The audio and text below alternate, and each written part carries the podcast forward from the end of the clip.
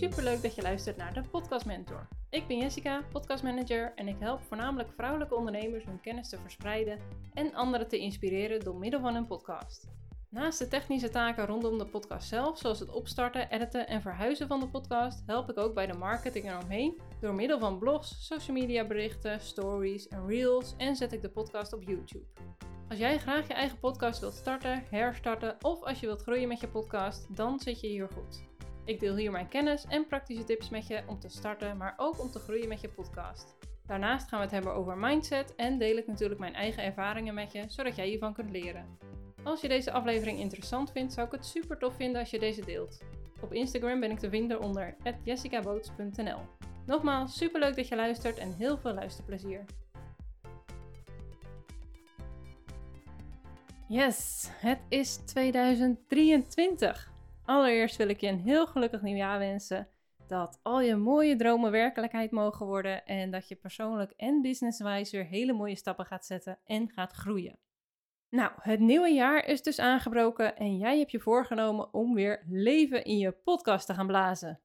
Ooit was je al eens begonnen, uh, je hebt een aantal afleveringen online staan, misschien wel meer dan een aantal, maar toen kwam dat moment. Het moment dat je bent gestopt met opnemen. En dat kan natuurlijk meerdere redenen hebben. Misschien kreeg je het te druk, uh, kost het je te veel tijd, misschien leverde het je nog niet op wat je eigenlijk had gehoopt, of misschien maakte je het veel te groot voor jezelf, waardoor je er steeds meer tegenop ging kijken. Kortom, er was iets waardoor jij er totaal geen zin meer in had en bent gestopt. Uh, misschien kwamen daar ook wel allemaal belemmerende gedachten bij kijken. Uh, het is toch niks voor mij, of mensen willen niet naar me luisteren. Uh, niemand zit hier op te wachten. Allemaal gedachten die je niet helpen en daarnaast ook nog eens niet waar zijn. Maar je hebt bedacht dat je het weer gaat doen. Je gaat je podcast herstarten. Supergoed. Ik ben trots op je en ik wil je ook heel graag helpen er een succes van te maken. Op een manier die bij jou past, zodat je door kan blijven gaan met je podcast opnemen. En je hebt dus een podcast break gehad. Uh, het kan zijn dat die heel bewust was, dat je dacht: ik heb even een pauze nodig. Of misschien is het gewoon zo gelopen dat je uh, opeens niet meer opnam en dat je dat toen een tijdje zo hebt gelaten.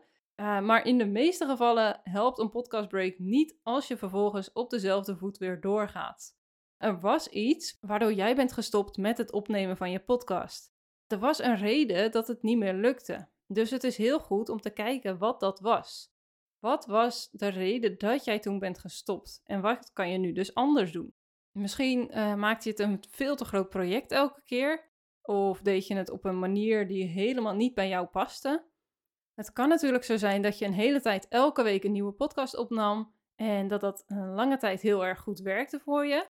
Maar op een gegeven moment ging je er steeds meer tegenop kijken en lukte het gewoon niet meer.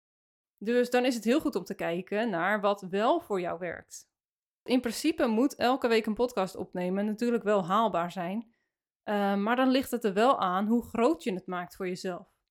Als jij elke week eerst je podcast gaat uitschrijven, dan opnemen, dan ga je hem editen, uh, dan wil je er social media posts van schrijven, dan ga je er een reel van maken, uh, je wilt er een blog van schrijven en een nieuwsbrief over versturen.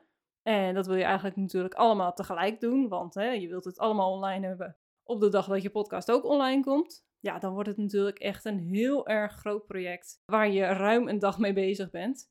En dan maak je het echt heel erg groot voor jezelf waardoor je er na een tijdje tegenop gaat kijken.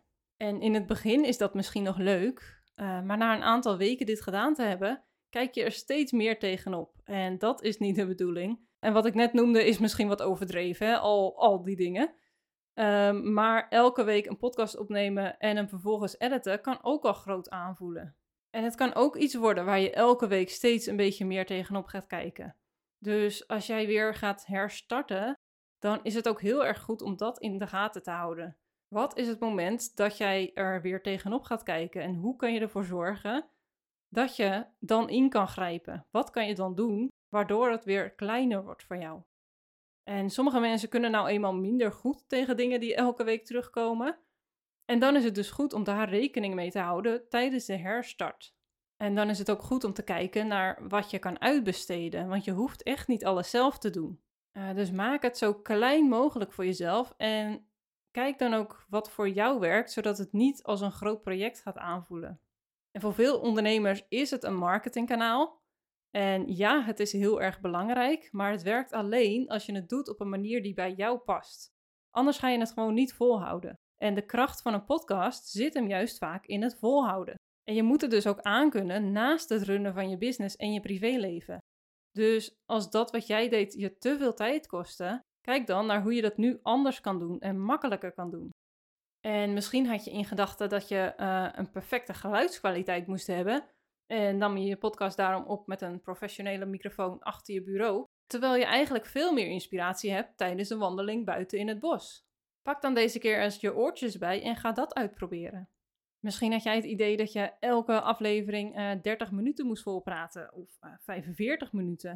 Maar was dat eigenlijk elke keer weer een struggle om zoveel tijd vol te praten? Probeer dat dan los te laten en ga voor uh, afleveringen van 10 minuten of 15 minuten. Misschien ging je er tegenop kijken om het elke keer na het opnemen van je podcast deze ook nog eens te gaan editen. Kijk dan of je dat kan uitbesteden.